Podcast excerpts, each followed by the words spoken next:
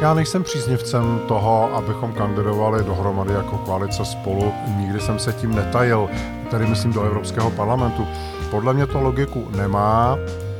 Tady jsou bruselské chlebíčky, váš průvodce zákulisím politiky v Evropské unii. Za rok budou lidé v 27 státech Evropské unie znovu vybírat své zástupce do Evropského parlamentu. Politické strany už proto promýšlejí strategie, jak zabrat v parlamentním hemicyklu co největší počet křesel. Největší vládní stranu, ODS, čeká nejedno dilema.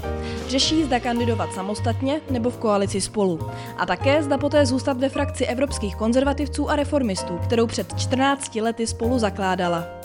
V poslední době si totiž občanské demokraty začaly očividně namlouvat i evropští lidovci. Mimo jiné o tom budou tyto bruselské chlebíčky. I'm Zdeňka Trachtová. Já jsem Zdeňka Trachtová, zdravím vás z rozhlasového studia, které se nachází v budově Evropského parlamentu v Bruselu. A se mnou je tu i speciální host, předseda Evropské lidové strany a také lídr největší lidovecké frakce v Europarlamentu, Manfred Weber. Dobrý den, vítejte. Hello, welcome. Díky moc za pozvání. Za rok budou nové evropské volby. Za ten uplynulý se situace v Evropské unii výrazně proměnila kvůli ruské agresi na Ukrajině. Troufnete si odhadnout, v jakém stavu bude Evropa v době voleb? A bude v nich ještě válka na Ukrajině hrát nějakou roli? Za prvé já doufám a hodně na tom pracujeme v úspěch Ukrajiny. Protože nejlepší by bylo dosáhnout opět míru, O tom všichni v Evropské unii sníme. Proto potřebujeme být jednotní a silní.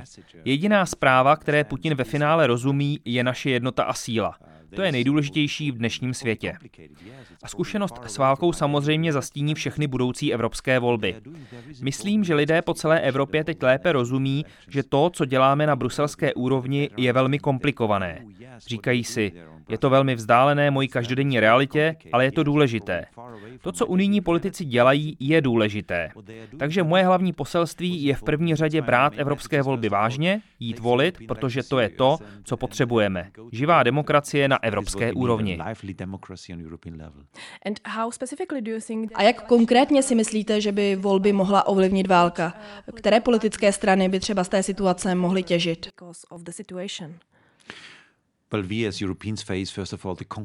Za prvé, my Evropané čelíme konkrétním dopadům války. Například míra inflace je extrémně vysoká po celé Evropě. Řešíme konkrétní dopady v oblasti energetiky, řešíme, jak se obejít bez ruského plynu a ropy a máme uprchlíky z Ukrajiny, které v Unii vítáme. Přímé dopady války vidíme v našem každodenním životě. A tyto výzvy musíme zvládnout. Politici na národní úrovni společně s Evropskou unii musí hledat odpovědi na tyto problémy. A kdo z toho bude těžit a kdo ne? No, v první řadě je v demokracii na lidech, aby rozhodli.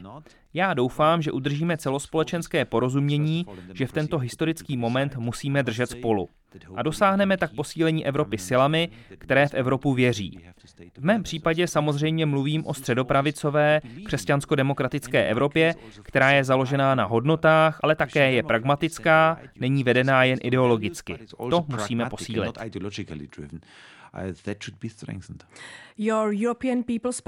Vaše Evropská lidová strana má nyní největší politickou skupinu v Evropském parlamentu.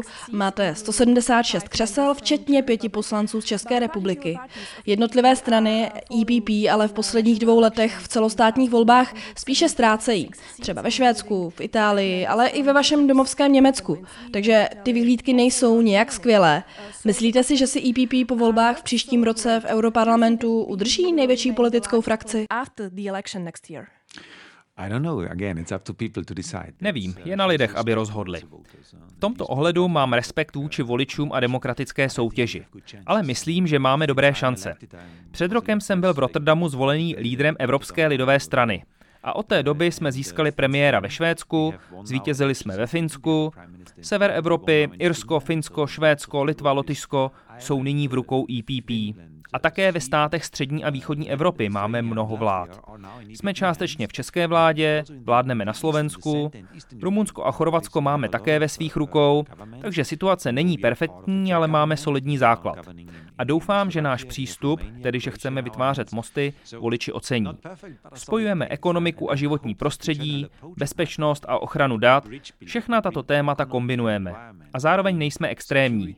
To je náš přístup, který dlouhodobě funguje. A to taky nabídneme v příští kampani. A jaké jsou vaše konkrétní cíle?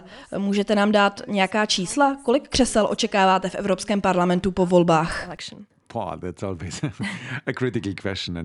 to je vždycky ošemetná otázka. Pro mě je nejdůležitější úkol, že stabilizujeme EPP a že zachováme stav, kdy je EPP největší skupinou v Evropském parlamentu. Musíme proto pracovat s konkrétním obsahem. Potřebujeme posílit naši konkurenceschopnost, potřebujeme pracovní místa, ekonomický růst, Musíme bojovat za společný základ životních standardů v Evropě, abychom tu neměli občany první a druhé kategorie. Podívejte se například na zdravotní systém. Stále máme velké rozdíly mezi Německem, Rakouskem, Slovenskem nebo Litvou. A to chci změnit. Chci stejné zacházení a léčbu pro všechny Evropany. A samozřejmě Evropa musí poskytnout bezpečnost a stabilitu do budoucna. Proto věřím i v posílení evropského obraného pilíře a zahraniční politiky. Musíme společně řešit čínskou hrozbu. Takže to jsou všechno problémy, kterými se musíme zabývat a žádáme proto lidi, aby nám dali mandát, abychom je mohli řešit. Pokusíte se do EPP přilákat politické strany z jiných politických uskupení? Well, the EPP is the party of center-right. EPP je strana střední pravice a máme v první řadě jasně nastavenou červenou linii vůči extremistům. Tím myslím například AFD v Německu nebo Lepenovou ve Francii. Naše červená linie je jasná. Pokud chcete s EPP spolupracovat, musíte být pro evropští, pro ukrajinští a musíte být pro principy právního státu. Tohle jsou naše tři hlavní kritéria, která definují náš jakýsi firewall proti pravicovým extremistům. Pravicoví extremisti nikdy nebudou naši partneři. A ostatní? Ano, s těmi se bavme. Pamatujete si, kdy jste naposledy mluvil s českým premiérem Petrem Fialou?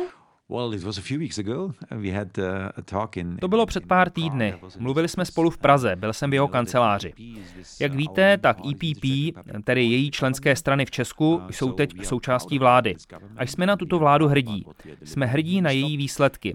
Zastavila v Česku skorumpovaný Babišův systém. Proto jsou pro mě hovory s Petrem Fialou vždy velmi pozitivní. Já se ptám proto, že vy jste s Petrem Fialou známý tím, že máte velmi dobré vztahy a proslýchá se, že byste mohli jednat i o možné užší spolupráci po příštích volbách. Pokusí se EPP dostat Fialovu ODS do své politické frakce?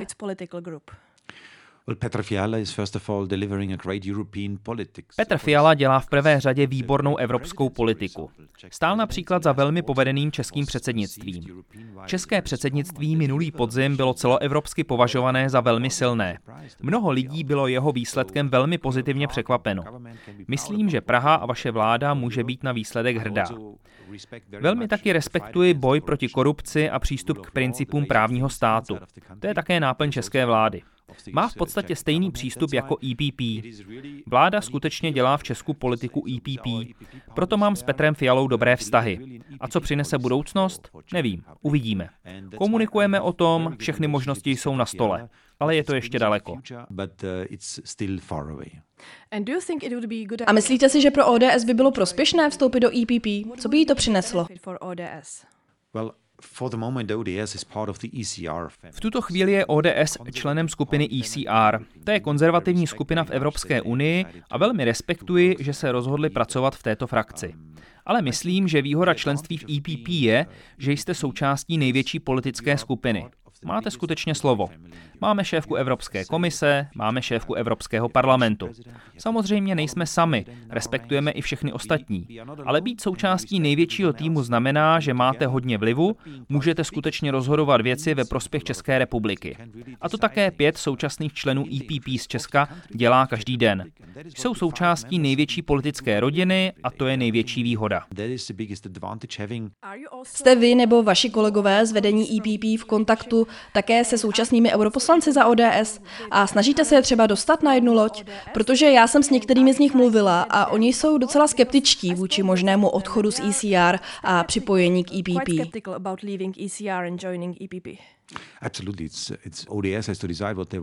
Samozřejmě, je jen na ODS, aby se rozhodla, co chce dělat.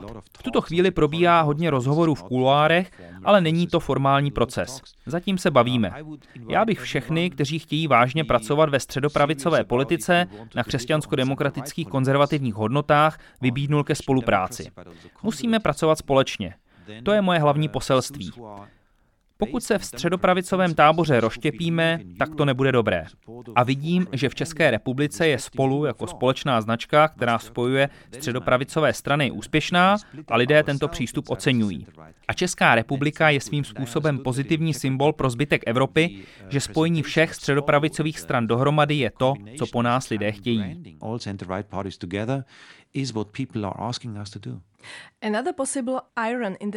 Vaším dalším možným želízkem v ohni pro EPP je italská premiérka Giorgia Meloniová a její strana Bratři Itálie. Proti této možné spolupráci je ale v EPP určitý odpor. Připouštíte spojení s Meloniovou? Meloni possible? V Itálii máme v současnosti koalici s Bratry Itálie, stranou Giorgi Meloniové, a také s Ligou Severu. Tyto strany tvoří současnou vládu. A jsem rád, že Antonio Tajani, ministr zahraničí a představitel naší strany Forza Italia, je ve vedení. Je to aktuálně nejpopulárnější politik v Itálii. To jsem moc rád. Protože naše strana je stabilizující stranou pro Evropu, pro NATO, pro Ukrajinu. Na tom i jako Forza Italia pracujeme. Italská vláda dělá dobrou práci. Je na evropské úrovni konstruktivní, pomáhá našim přátelům na Ukrajině, to se počítá, to je zásadní. To také pomáhá naší spolupráci na evropské úrovni.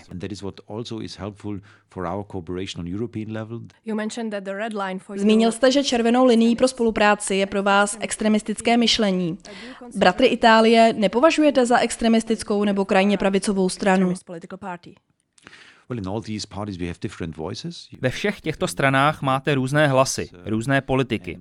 Já musím posuzovat a sledovat věci z politického pohledu na základě výsledků konečného vládního jednání. A v tomto ohledu ODS jako člen ECR dělá skvělou pro evropskou práci. A to samé platí i pro Meloniovou, která dělá jako předsedkyně evropských konzervativců pozitivní konstruktivní práci. Musím připomenout, že Petr Fiala je předsedou vlády, která vedla předsednictví v době, kdy Rada navrhla odstřižení Maďarska od evropských fondů, protože Maďarsko nerespektovalo principy právního státu. Nebyla to Angela Merklová, nebyl to Macron, byl to Fiala. A podpořila to také Meloniová. Takže u nich vidím velmi konstruktivní způsob hájení principů, za kterými já stojím, včetně právního státu. A když už se ptáte na strategické otázky, tak je jedna důležitá země, ve které nás čekají volby a EPP tam těžce bojuje proti populismu a extrémismu a to je Polsko. Donald Tusk, jehož strana je součástí platformy EPP, je hlavní opoziční silou vůči PIS. Ta přináší velmi protievropský nacionalistický tón, vystupuje proti menšinám, proti právnímu státu a proti tomu EPP bojuje.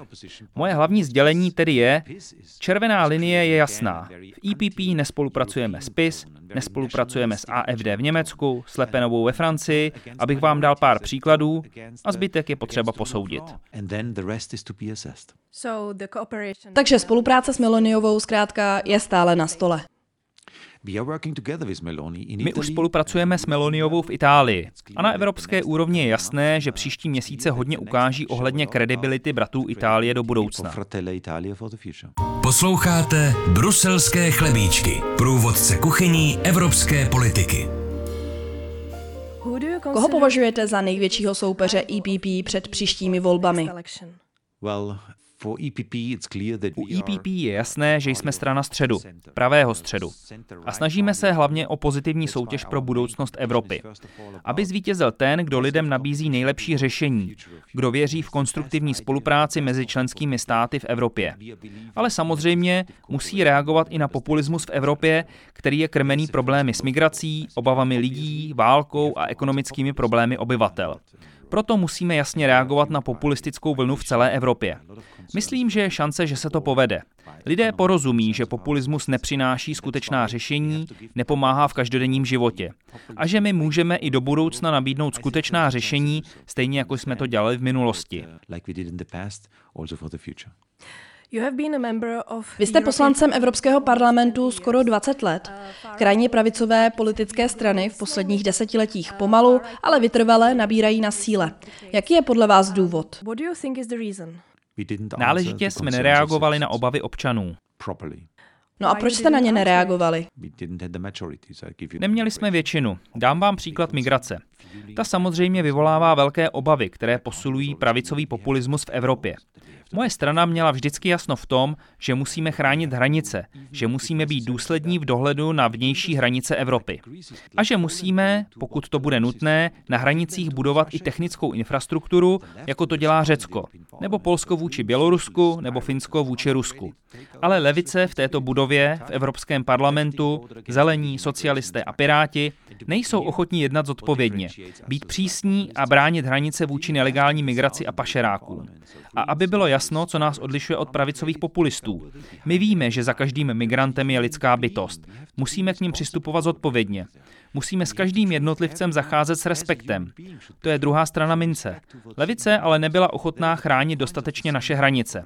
Proto jsme doteď problém migrace nevyřešili. A proto jsou lidé frustrovaní. A já této frustraci rozumím. Vy navrhujete, že by Evropská unie měla financovat ploty na svých vnějších hranicích. Ale není to tak trochu v rozporu se základní myšlenkou otevřené Evropy? Nikdo nechce budovat ploty. Nikdo. Ale ať tedy všichni ti, kteří kritizují polskou, slovenskou, řeckou nebo finskou vládu, přijdou s lepším řešením. Pokud nemáme vybudovanou technickou infrastrukturu, pak tu zkrátka nelegální migrace bude. Tisíce i stovky tisíc budou přicházet bez kontroly, bez bezpečnostních prověření na vnějších hranicích. Takže promiňte, ale to, co děláme, je jednoduše snaha kontrolovat dodržování našich zákonů. A naše šengenské zákony předpokládají, že prověříme každého, kdo na vnější hranici dorazí. Prověříme jeho doklady a asilové důvody. Proto je technická infrastruktura nezbytná. Chci to říct naprosto jasně. Myslím, že je dost naivní říkat, že nechceme technickou infrastrukturu, že nechceme ploty. Bez nich to tu nebude fungovat. Proto všechny vlády, ať už nalevo nebo napravo, budují technickou infrastrukturu na ochranu svých hranic. Zároveň pomáháme uprchlíkům a jsem na tuto pomoc velmi hrdý, včetně pomoci České republiky, která přivítala tolik uprchlíků. Kombinace této pomoci a zároveň ochrany proti nelegální migraci je přesně to, co chceme prosazovat.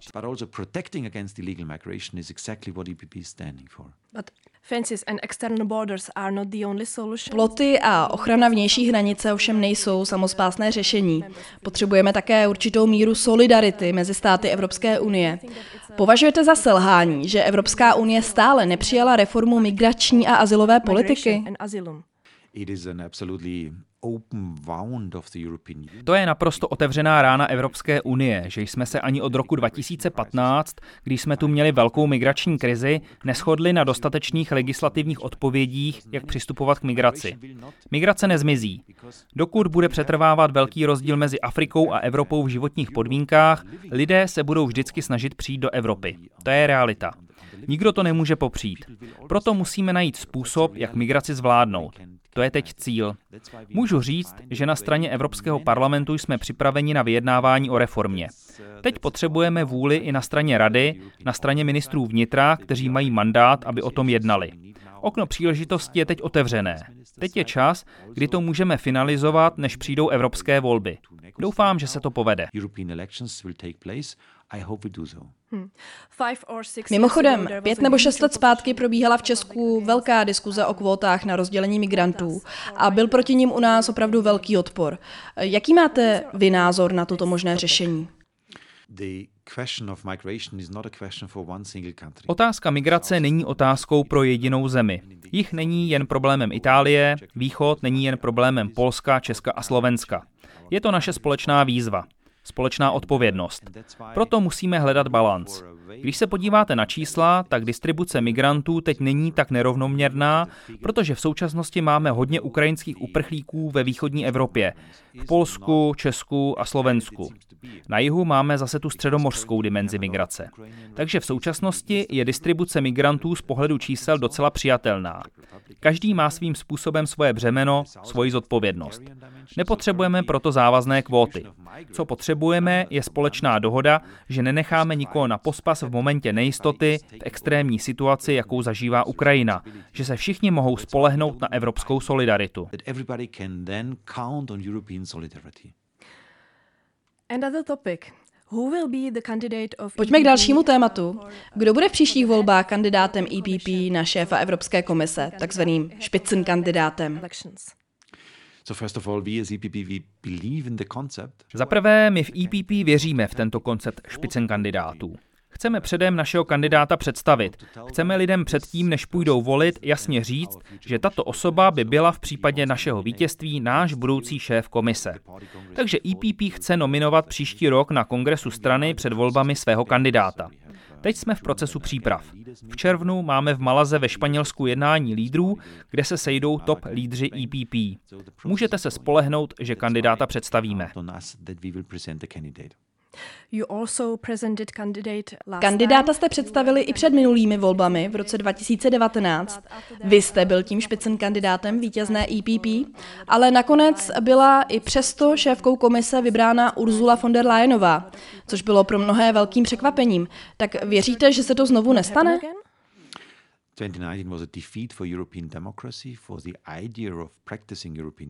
Rok 2019 byl prohrou evropské demokracie. Stál zatím hlavně Emmanuel Macron a Viktor Orbán. Oba odmítli oficiálního kandidáta EPP na šéfa komise. Já tu teď sedím jako šéf strany. A otázka je, zdáte to po takové prohře? Nebo vstanete a budete za ten demokratický princip dál bojovat? My věříme v ten demokratický princip. Nemůžu garantovat, že se to znovu nestane, ale věřím v koncept demokratické Evropy. A vy sám se chystáte znovu kandidovat na tuto pozici? Uh, znovu, máme před sebou ještě rok. Kongres příští rok rozhodne. Lidé se mohou spolehnout, že představíme solidního kandidáta. A také představíme velmi přesvědčivý program pro budoucnost Evropy. Moje role je teď jasná. Jsem šéfem strany a taky lídr frakce. V posledních dvou týdnech členské státy a Evropský parlament uh, schválili klíčové části klimatického balíčku. Souhlasíte s rychlostí a intenzitou, s jakou Evropa směřuje ke klimatické neutralitě a naplňuje cíle Green Dealu, tedy zelené dohody? Jsem na tuto legislativu pyšný. Má v sobě také rukopis EPP a je vyvážená. Musíme být ambiciózní, musíme být v přední linii boje proti klimatické změně. To je naše práce. Ale zároveň musím říct, že ve srovnání s levicí my nejsme naivní. Vidíme realitu ve světě, vnímáme, co se děje v USA nebo v Číně. Takže říkám, buďme sami ambiciózní, ale čas od času se podívejme, co dělají naši konkurenti a pak adaptujme naši legislativu. Co potřebujeme je ambiciózní přístup, ale pragmatická implementace. Například moje strana hlasovala pro používání spalovacích motorů, což levice těžce kritizovala. Ale my chceme technická řešení dosahování klimatických cílů. A není práce politiků zakazovat technologie, jejich práce je nastavit jasné cíle. A pak inženýři a firmy udělají zbytek and then engineers and companies are doing the rest. Hostem bruselských chlebíčků byl Manfred Weber, předseda Evropské lidové strany a lídr frakce EPP v Europarlamentu. Děkuji za rozhovor. Díky moc. A co v těchto dnech hýbe Bruselem a evropskou politikou? Evropská komise před pár dny spustila projekt společných nákupů plynu, který se zrodil za českého předsednictví. Cílem je zajistit státům 27 a ještě několika dalším, včetně Ukrajiny nebo Moldavska, stabilní a levnější dodávky plynu a připravit tak Unii na další zimu. Do společných nákupů už se přihlásila i největší česká energetická společnost ČES.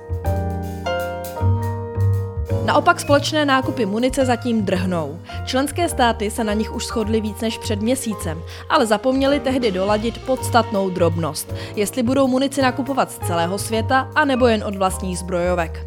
K první možnosti se kloní většina států. Dohodu ale brzdí Francie, která chce preferovat unijní zbrojovky. Ukrajině tak nezbývá, než jen trpělivě čekat, než se členské státy dohodnou. Evropská komise se pustila do příprav 11. balíku protiruských sankcí. Jeho cílem bude hlavně zajistit, aby dosavadní sankce nebyly obcházené. A na stole je znovu i sankční Evergreen, jaderné technologie a diamanty. Ty zatím Rusko do Evropské unie vesele dál dodává. Proti sankcím na diamanty protestuje hlavně Belgie.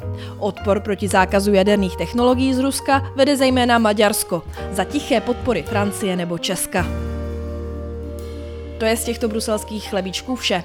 Děkuji za poslech. Naladit si nás můžete zase příště, a to každé pondělí po 11. na Plusu. Najdete nás jako vždy v podcastových aplikacích nebo na webu radiožurnálu a i rozhlas.cz. Budeme rádi, když nás budete sdílet nebo o nás řeknete známým. A svoje poznámky a připomínky nám můžete psát na bruselské.chlebíčky rozhlas.cz. Loučí se s vámi Zdeňka Trachtová a těším se zase někdy příště.